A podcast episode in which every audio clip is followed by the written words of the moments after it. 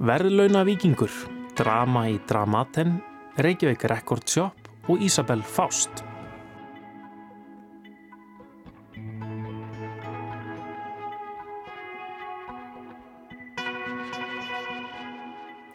Í gerðkvöldi voru velun breska tónlistartímaritsins BBC Music Magazine veitt við hátilega aðtöfn í London.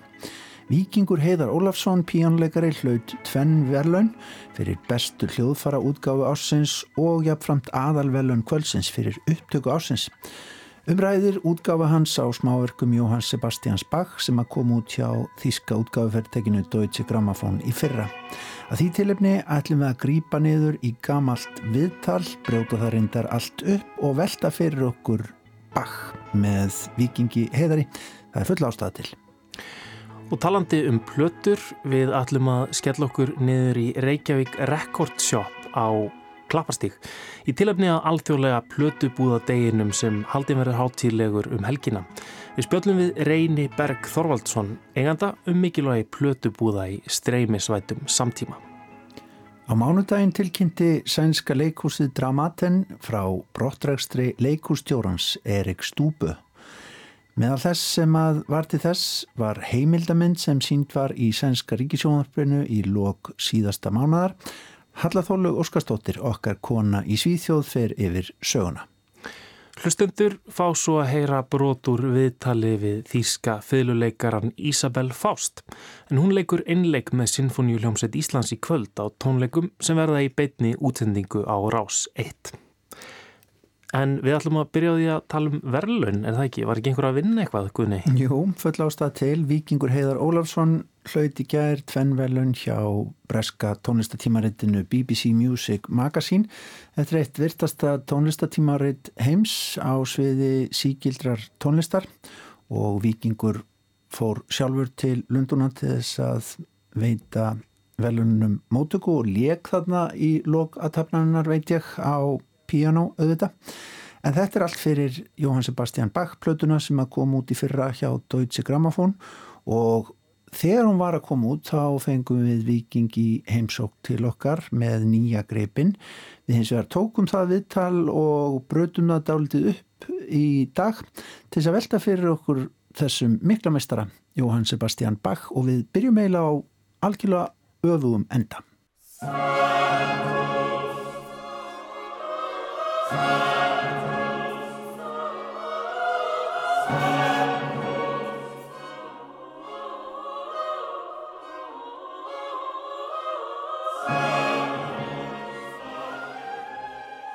Við hugsaum oft um Bach og, og hugsaum um svona þetta monumental sko þetta stóra hámólmessuna við hugsaum um ja, Goldberg tilbreyðin og Jólaoratorjuna og þessi svona risavöksnu form þessar stóru domkirkjur af, af, af tónum sko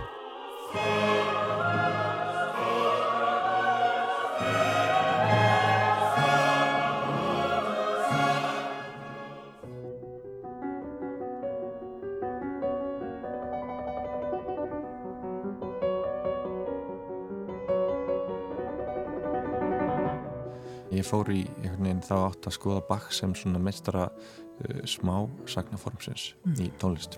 Sko svolítið svona jarðinskan og, og spontan, svolítið flippaðan og frjálsan, spunakendan, augrandin, móternískan, bara, en mér langar allir að skoða hann frá eins mörgum hliðum og ég gæti á einnum plötu. En ég eitti öruglega alveg sex mánuðum, já, að reyna að átta mig á nákvæmlega hvaða verk ég vildi spila ég hef svona spilað í gegnum all flest bakpíjánaverkinu svona eftir eh, en, en það að búa til svona verk það er svolítið eins og búa til bara komposisjón þannig að, veist, að hugsa þetta einhvern veginn frá að til lög sem, sem svona eina heilt hvernig innra tempóð í plötunni er hvað, hvað, hvaða svona hlutfull er í plötunni og, og ég sem ég vonast er að, er að fólk munið þá hlusta á hana sem, sem slíka sko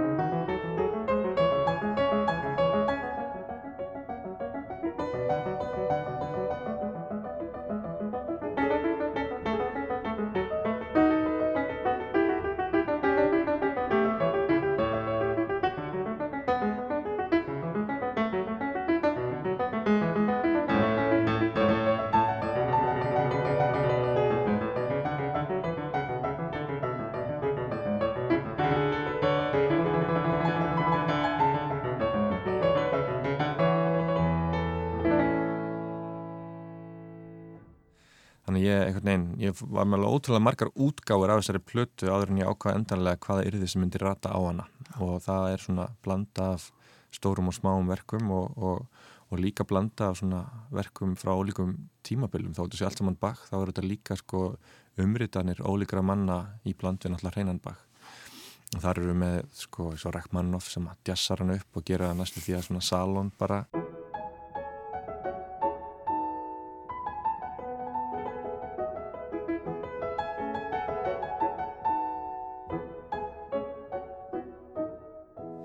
Salón tónskáldi skulum við segja. Þetta verður alveg dásanlegt, það er sem að sé hérna stattur einhverstaðar í einhverju dásanlegri stofi í hérna á þriðja áratug síðustu aldar og, og Rækmannof er bara með munstykki og síkaretuna þú veist við hljómborðið ekkert en að djamma. Það leika sér bara. Já það er eitt sko, svo er Búsónia hérna með svona frægur sálmafóllegin og er að fanga svona orgel orgel hljóminn sem hættir að ná fram úr, úr píanói með svona ákveðnum kunstum sko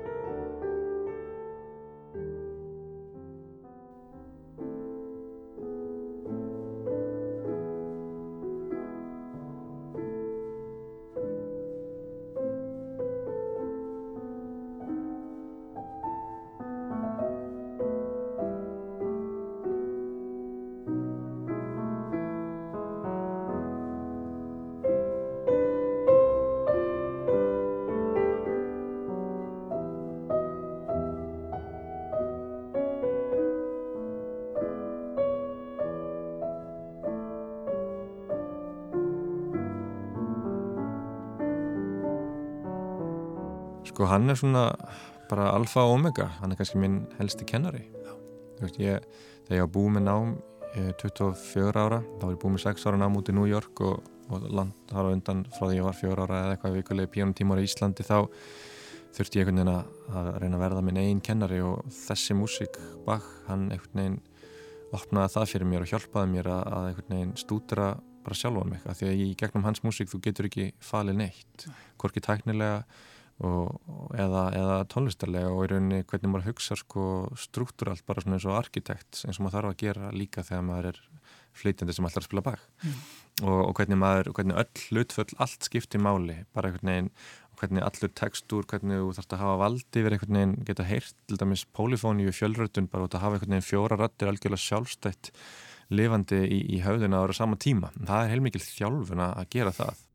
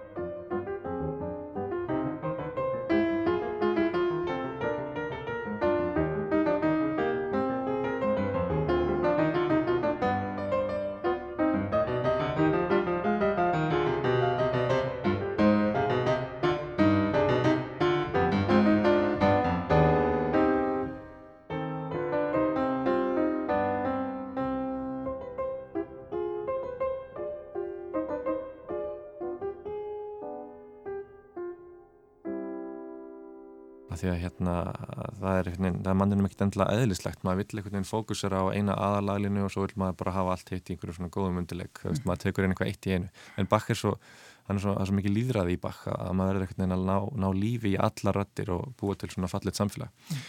Hvaðan kom þetta? Hvaðan kom þetta?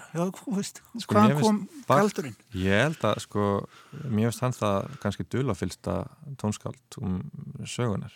Sko ég held að maður horfir, horfir á svona hinna risana eða horfir á Beethoven eða Mozart.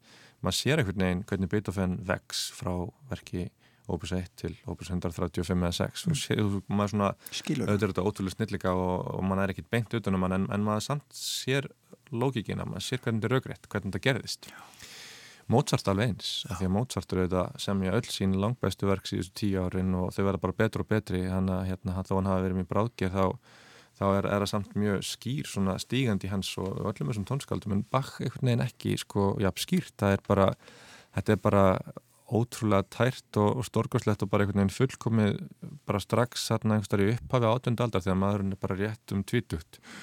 Og svo, svo auðvitað, auðvitað sé maður einhverju þróun en samt sko bara magnið og, og ekki bara magnið sko heldur bara innihaldið og hvað þetta eru einstök listaverk hvert og eitt. Af því að ef þetta væri bara áhugaverðar svona starfræði struktúrar ef þetta væri bara, ef það væri bara, bara, bara arkitekturinn sem maður var að hrífast af þá myndum maður ekkert annað að spila þetta í dag. En við náttúrulega spilum baka af því að hann var svo mikið skált þannig að það bætist ofan á allt hitt. En svo má ekki gleyma því að hann átti hvað átján börn og hann var með hversu marga kóra sem hann stjórna, hann kendi latínu, hann var skólastjóri, hann mm -hmm. allt hitt sem hann gerði og hann kendi á hljóðfæri og hann spilaði og improviseraði og þurfti að, þurfti að hérna, eigi samskiptum með misgáð hérna fyrirmenni og litla sem við vitum um hann, hann er alltaf þessu bregð sem við eigum og svona, það er alltaf eitthvað svona officialt, eitthvað kvartanir yfir því að einhver skuldunum pening eða eitthvað svona leðalegt, við vitum bara rosalega lítið um mannin Já. allt sem við vitum eiginlega um hann í svona þessum hans erendagjörðum er allt sem hann mjög hverstaslegt og svo er þessi músík og þessi list sem er einhvern veginn stærri heldur en allt, hún er bara kosmísk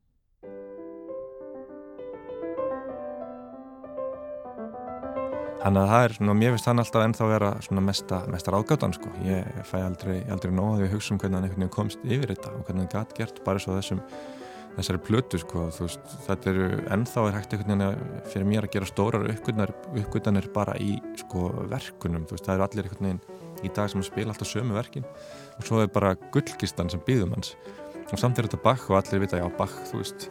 En, en þannig að það, það er alveg stórkvæmslegt fyrst mér í dag hvað þetta er áhugavert.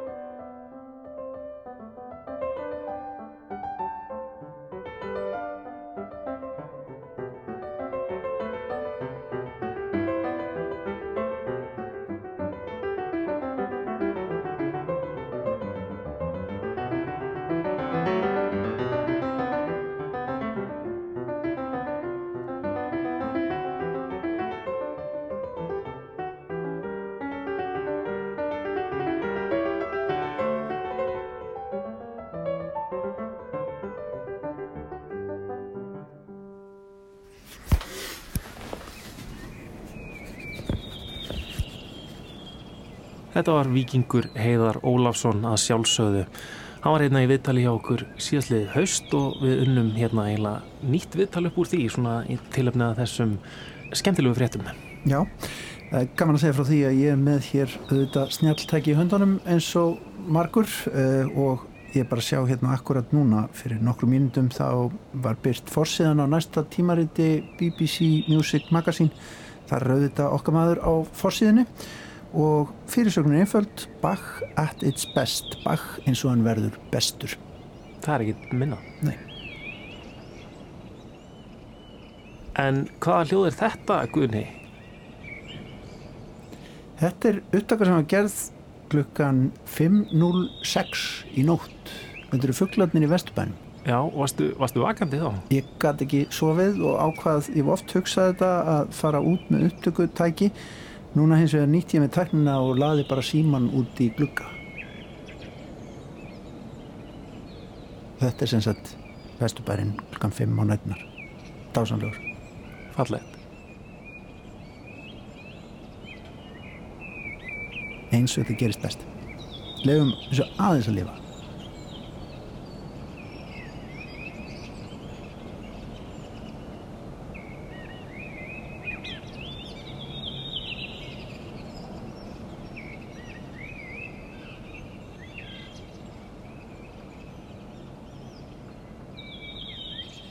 Við þakkum fugglunum í Vesturbænum fyrir sitt innleitt hér í Víðsjá en við höldum til Svíþjóðar. Þar er Hallað Þórlaug Óskarsdóttir búsett. Hún hefur verið með hugan við stortíðandi úr leikúslífi Svíja.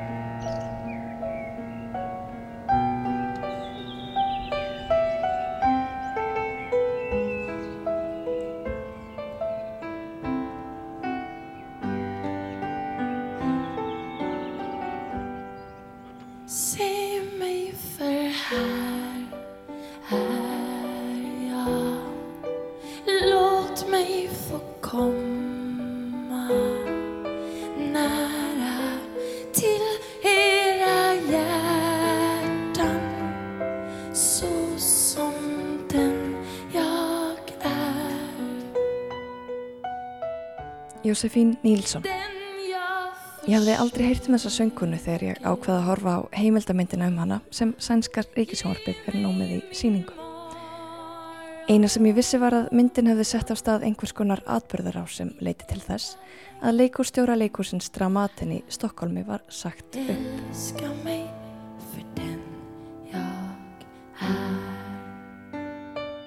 Jósefín Nílsson fættist árið 1969. Pappi hennar var tónlistarmadur og hún stopnaði hljómsveit með sýstur sinni og tveimur vinkonum þeirra sem þær kölluðu Einbusk. Þær slóðu rækilegi gegn og fljótlega var gamla kempan Benny Andersson komin til liðsviðar sem lagahöfundur. Ef markam á viðmælendurna í myndinni snerti hún flest hjörtu sem hún komst í kynni við. Djúft var bæði hlý og skemmtileg þrátt fyrir að líf hennar hafi alls ekki verið dansa á rósum. Hún lést árið 2016, 46 ára gömul. Ég hafði aldrei heyrt um þessa söngkonu áður. Hafði engin tengsl við söguna nýja tónlistina en þegar Halla tóka myndina var ég farin að há gráta.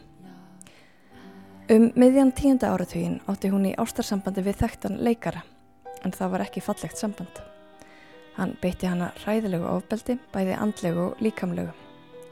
Í eitt skiptið flegði hann henni í vegg með þeim afleiðingum að veggurinn brotnaði. Hryggjaleiðir hennar líka. Hann sendi henni ógeðsleg skilabóð þar sem hann kalliði hann að ljóta, feita, hæfileika lausa og hótaði henni frekara ofbeldi. Hún þurfti að hafa lífverð með sér utan þeirra.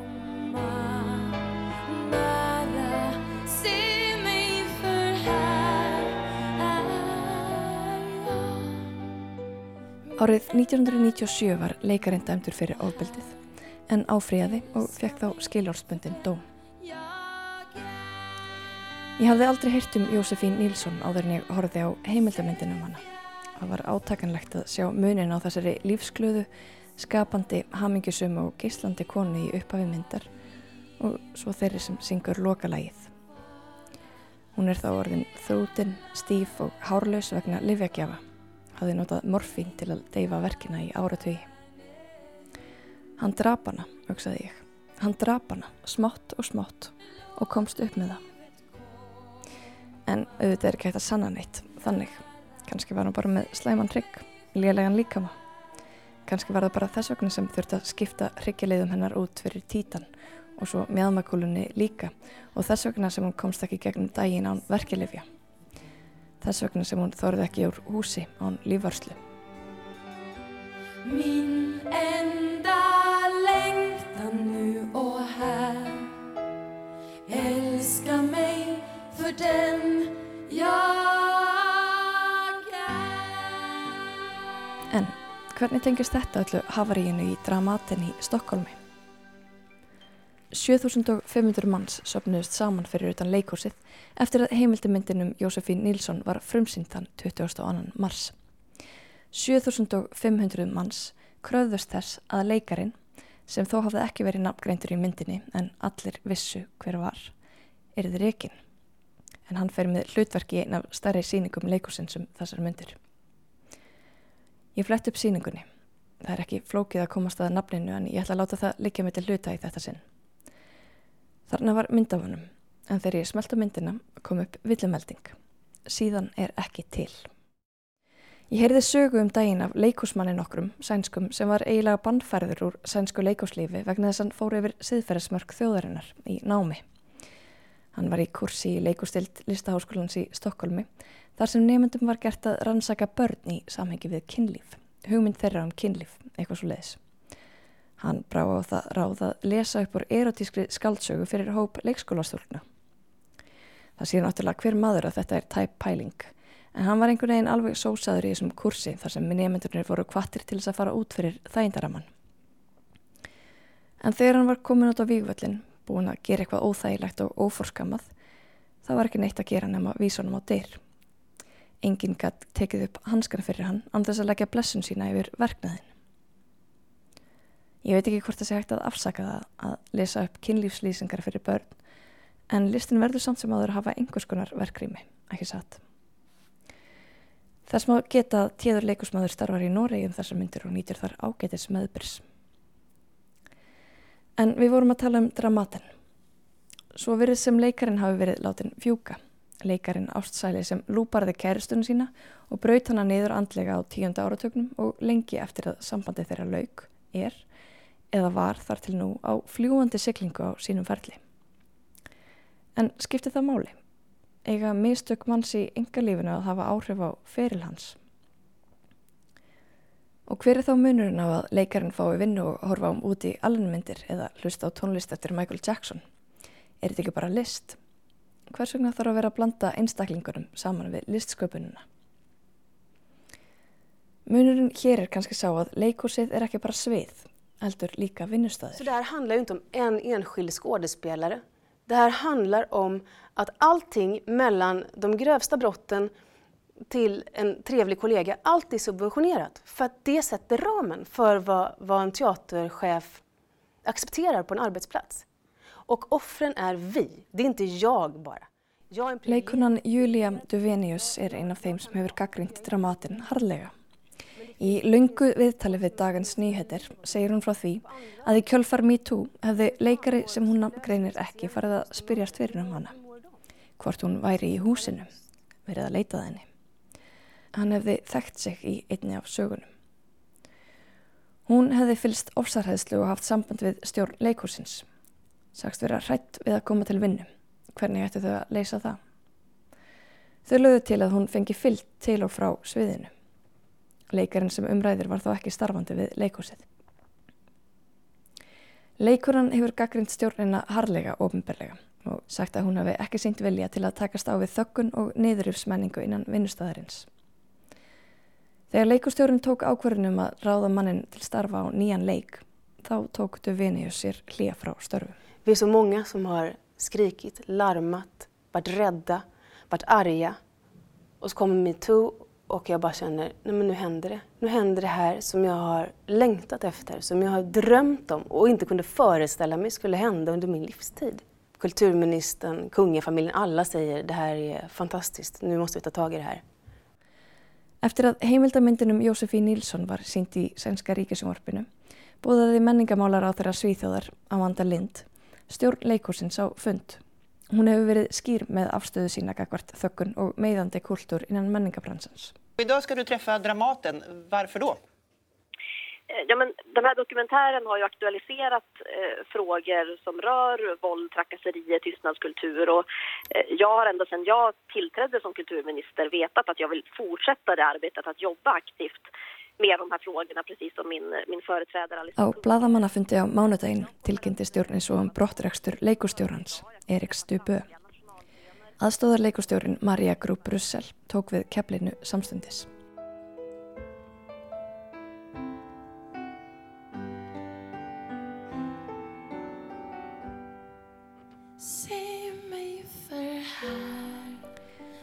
Mörgum dominóköpum hefur verið stilt upp frá því Jósefín Nílsson leitaði réttar síns árið 1997 en var barinn aftur niður.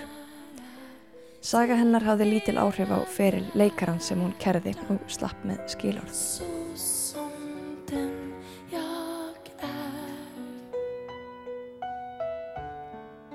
Þegar Jósefín Nílsson stóð upp í réttarsal árið 1997 og sagði frá, þó stóð engin upp og sagði Me Too. En MeToo-byltingunni sem hófst 20 árum síðar hefur sannarlega tekist að hræra í stærstu stöplum sænsku menningarelítunar. Skemst er að minnast skandalsins innan sænsku akademíunar. Nú er það dramatinn hvað verður næst. Bóðskapurinn er að ofbeldi verður ekki liðið lengur.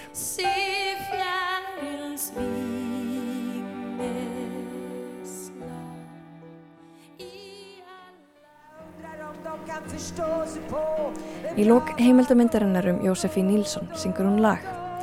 Upptakan er líklega frá því skömmu áður en hún lést. Hún spyr, mun heimurinn minnast mín þegar ég er farin? Hún spyr, er einhver staðar til sönnun fyrir því að ég hafi verið til? Skipti tilvera mín þessa stuttu stund einhverju máli? Finnst það náttúrulega?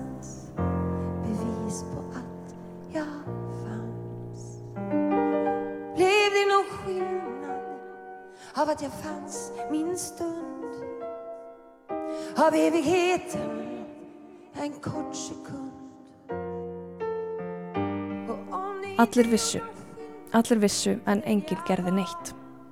Jósefi Nílsson ljast kvalin og hrætt Árið síðar hófst MeToo-bilding Det finns bevis någonstans till för tydliga tecken på. Är bevis på att jag fanns i ett avtryck, ja ett hårstrå som de kan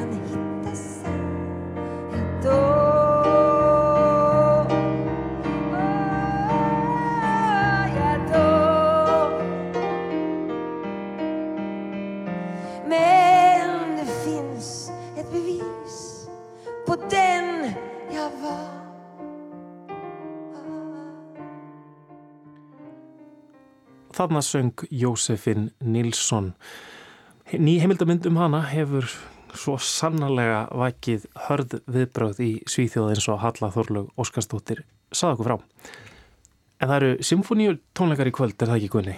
Jú, þeir verða í betni útsendingu hjá okkur líka hér á Rás 1 og upphittun fyrir þá hefst klukkan 19. Þeir hefist síðan hálftíma síðar Beintur Elborg og það er meiri háttar flottur gestur á sviðinu í Elborg í kvöld. Auðvitað er stjórnandi tónleikana Osmo Venska, frábær gestur sem að kemur hinga reglulega en það er fyrirleikarinn Isabel Faust sem að leikur einleik í fyrirkonsti Jóhannesar Brahms í kvöld. Og það verður að segjast að hún er allra, allra fremsti fyrirleikari samtímas og bara superstjarnar í þessum heimi og frábær tónlistamæður ég fór að hitta hana og ég ætla að vera með langt viðtal við hana klukkan sjö í uppbytunni en ég ætla að lefa ykkur að fá smá fórskot á sælina og að heyra aðeins hvað henni finnst um þennan konsert sem hún er að fara að leika sem er einn af þessum stóru stóru þýsku og það er tónlist úr þessum fyrirkonsert brams sem að hljómar undir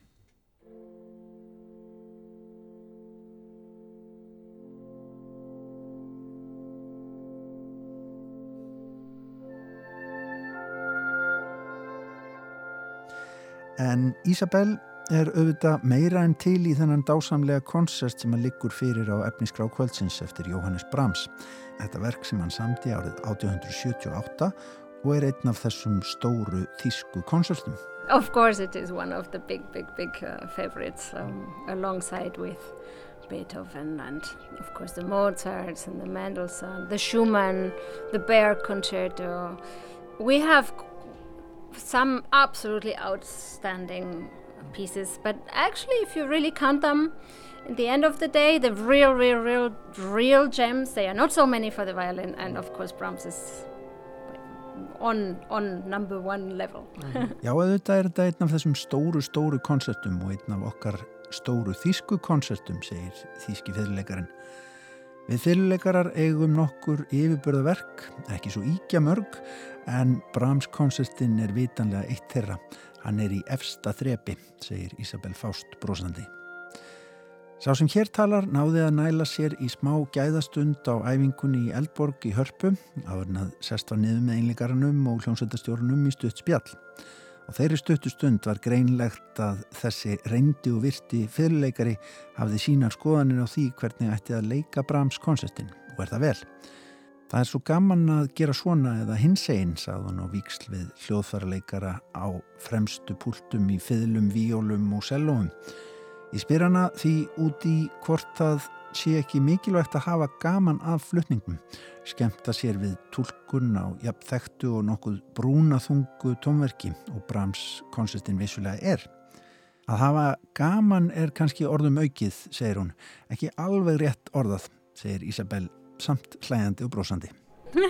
uh, fun is, is um, I don't know if that's the right word. I've, I, I, in, I want to enjoy it, of course, and I want to enjoy it in a, a very um, intense, um, interacting way with the conductor, with the orchestra. It's, this piece is almost like a symphony. Ég vil auðvitað njóta þess að spilaverkið og vil byggja upp ákaft og gagvirt samspil með hljómsveitinni og stjórnandanum. Þetta verk er nánast eins og symfónia. Það er svo margt í gangi í hljómsveitarpartinu. Actually, Josef Joachim, who was of course the closest uh, violin friend of Brahms and who collaborated also in the process of writing quite a lot with this piece and who of course premiered this piece and whom we have um, a statement about this piece and about what the composer needed Og Isabel Faust vittnar til orða Jósefs Jókim sem að frumflutti konsertinn á fyrsta degi ásins 1879. Hann skrifaði yfirlýsingu um þetta verk þar sem hann laði áherslu á mikilvægi þess að hugsa alltaf um einleikspartin sem hluta af symfónískri uppbyggingu verksins sem samt væri alveg sjálfstæði rödd. Það er mikilvægt að hafa þetta í huga þegar kemur að þessu verki, segir Isabel Faust, en hún nefnir jafnframt að eitthvað álíka í reyndar nokkuð velum til dæmis hinn stórkostlega konsert Albans Berg frá árunni 1935. Þar gangi stefin sem að Fyðland tekur að sér oftar en ekki milli einstakra ratta hljómsveitarinnar áður en Fyðland tekur þau upp og þannig sé ein samhangandi heild tónverksins undirstrykt. So for me the most important in rehearsals and then in the concert is to get the contact with the orchestra, to feel them really listening to me, to feel them taking over from me and, um, and always have the whole picture in mind. Tengslinn við hljómsveitina eru því mikilvægust. Maður verður að finna fyrir samhljómnum og hafa alltaf þetta heildar yfirbræði í hugan.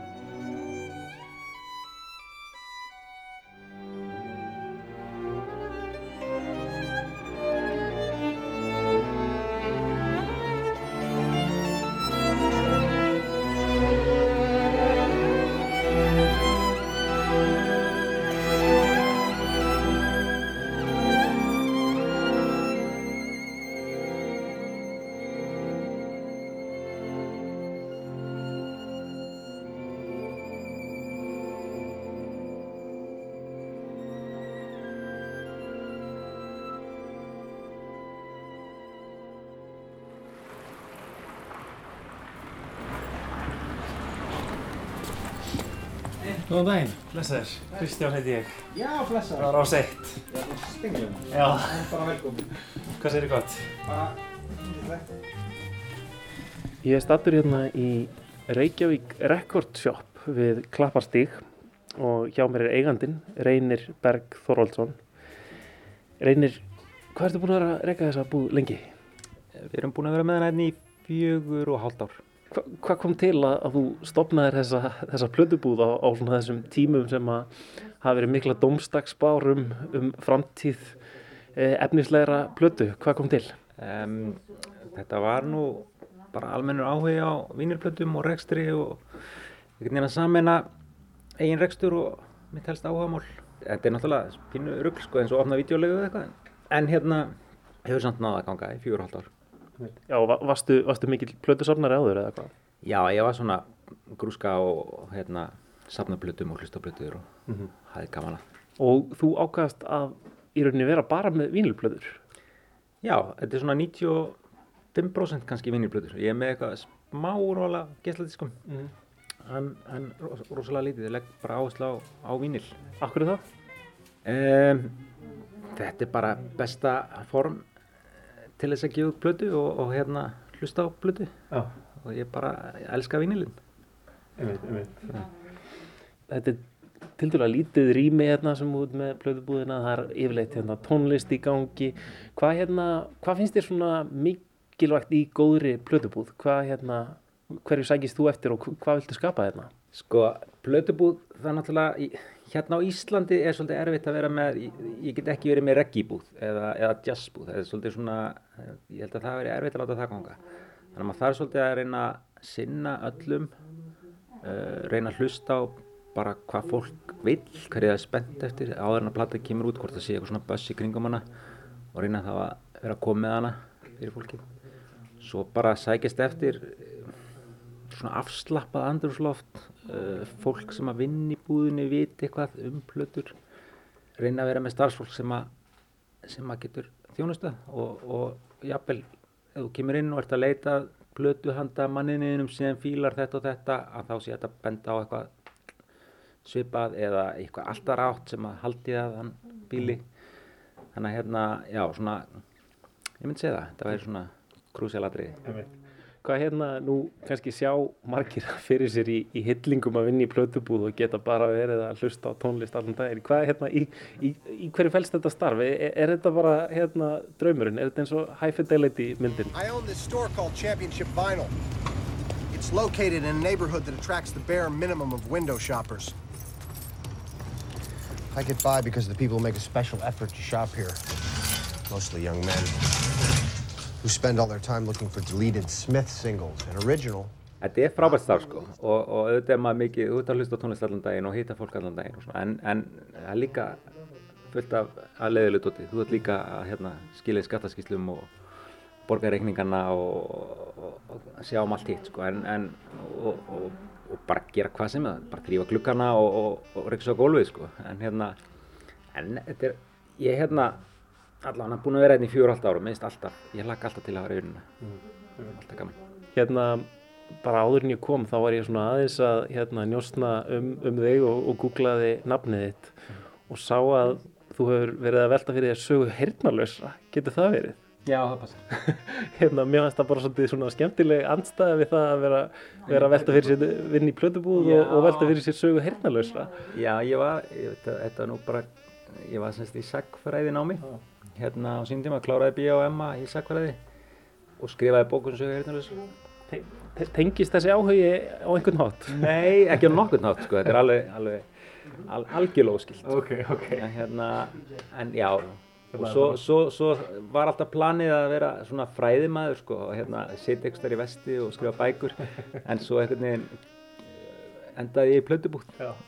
og, og sagfræði nýtist alveg helling í, í, hérna, í plötubúðarekstri. Þetta er alveg bara sagan í, í plötum og plötukofurum og það er alveg endalaust þetta stútur og grúska og hérna, gott að vita ýmislegt.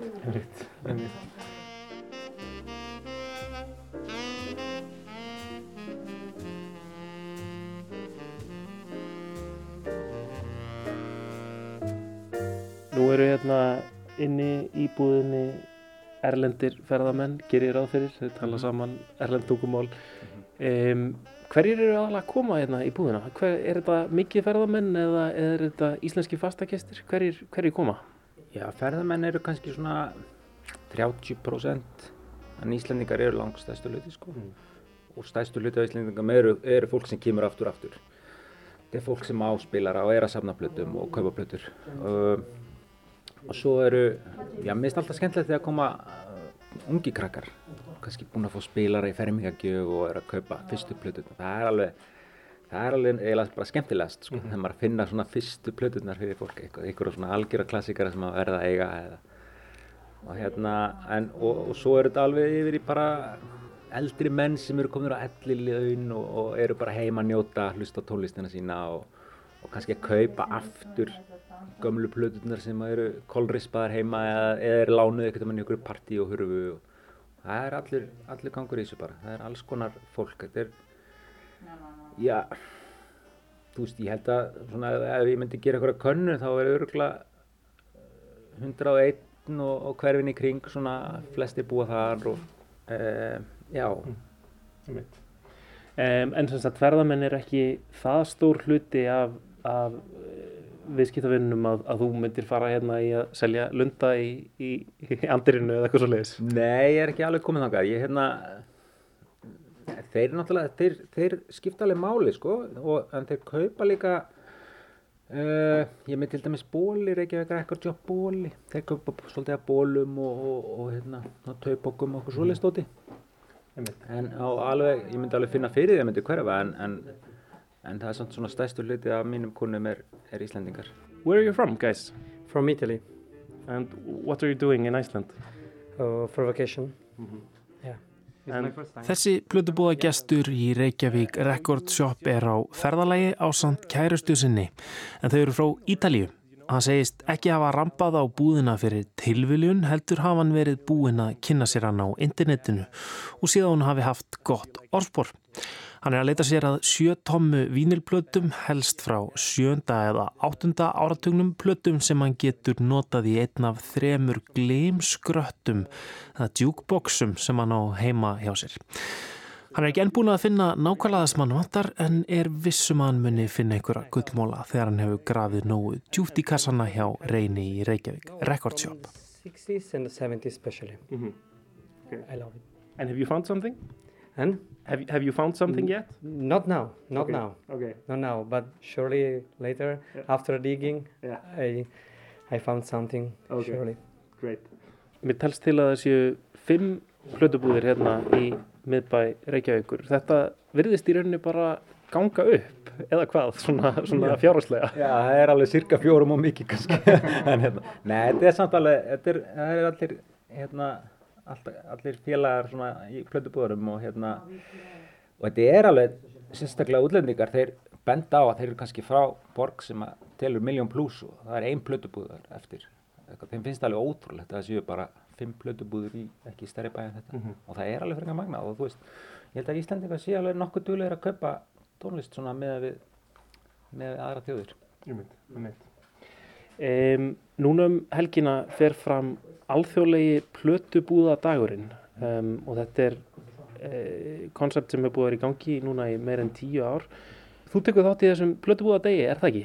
Jú, við erum búin að vera með bara síðan við opnum búðina og þetta er ósa gaman. Þetta er, þetta er eitthvað alveg út í bandaríkjunum sérstaklega og kannski Breitlandi þá er þetta alveg svakalega stór dagur. Þetta er bara svona, bara einhvern veginn árið hjá plötubúðunum bara veldur á að þessi dagur verði bara brjálaður og, og myndast bara raðir um nóttina fyrir framhann búðunar og fólk er alveg hérna alveg í rugglinu, en, en hérna er þetta meira bara afslappað, uh, enga raðir en, en rosa mikið að gera samt og, og, og þetta er ótrúlega skemmtileg dagur að því leiti að koma eða bara svona allir kúnarnir mínir nánast bara líta við þennan dag og kannski svona kaupa eina plötu bara svona til að styðja eitthvað, að þetta er svona plötu búðdagur, þetta er gert til að styðja við svona uh, hvað segir maður, independent, sjálfstæðar mm -hmm. plötubúðir og hérna kíkja við og kaupa eitthvað og spjalla og þetta er bara rosa svona skemmtilegu dagur mm -hmm.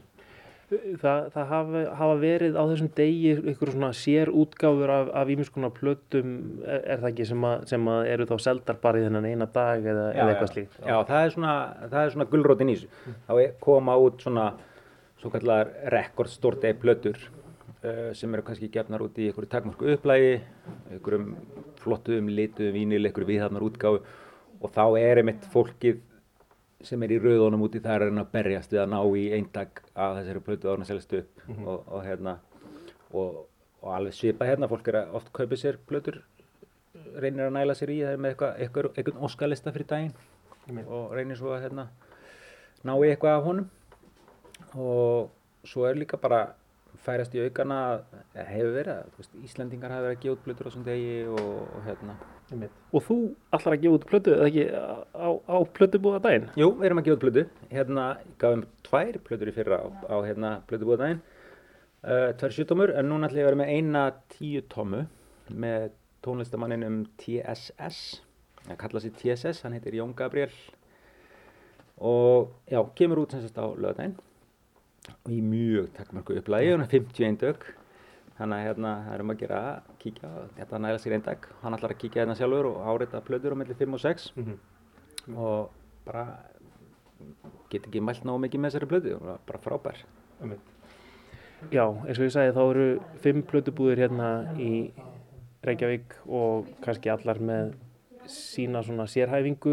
Hv- Hvernig myndir þú svona lýsa bara til dæmis tónlistarvalinu hérna, því sem þú velur hérna inn? Hvernig tónlist kemur fólk og, og sækir í? sko, eins og ég talaði um áðan, það er ég svolítið að reyna að vera með svolítið mikið af öllu Uh, það eru samt allir, já, veist, eins og til dæmis Valdi er með svolítið svona áherslu á metal og, og hérna Lökki er með svona raf tónlistarúrvalið og tó, tól tóna með klassíkina. Ég veit ekki, allir ég sé ekki mest svona kannski svona sterkur kannski svona indie world-dóti en reynir samt einhvern veginn að vera með líka svona solid úrvala jazzi og, og blues og, og öllu saman. Þetta er náttúrulega takmarka pláss þannig að hérna þetta er svona uh, gæði umfram magn er svona svolítið svona policyan hérna. Það kemst ekkit rosalega mikið fyrir þannig að þetta á að vera þannig að þetta á að vera allt svolítið gott. Þessi er svona mjög vel stýrt, svona kjúreitað, þetta er svona listræn, listræn sín hérna að einhver leiti. Já, svolítið, sko, maður þarf að hérna, að, það er rosa gott að vera í svona litlu rými, maður þurfi svolítið að hérna, þú þarf svolítið að pæla í gott með, þú getur ekki bara að móka fram hverju sem er og hérna, já, Gott gæða. gott gæði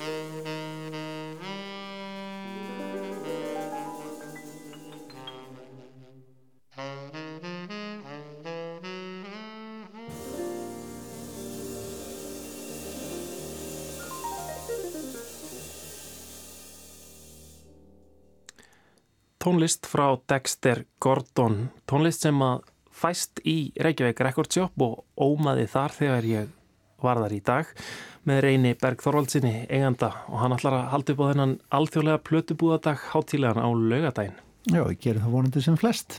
Einmitt. Um að gera heimsækja þessar mikilvægu stofnarnir sem að plötubúðunar eru. Algjörlega. En við erum konir að leðrenda í dag. Já, við ætlum að bjóða upp á úrval á sunnudaginn klukkan 14 en verðum svo auðvitað hér aftur á þriðudaginn næstu vikum. Það er hins vegar ekki eila hægt annað en að fá Viking Heiðar Ólafsson píjónleikara til þess að slá botn í þátt dagsins og auðvitað er búið upp á bakk. Takk fyrir að lusta. Verðið sæl.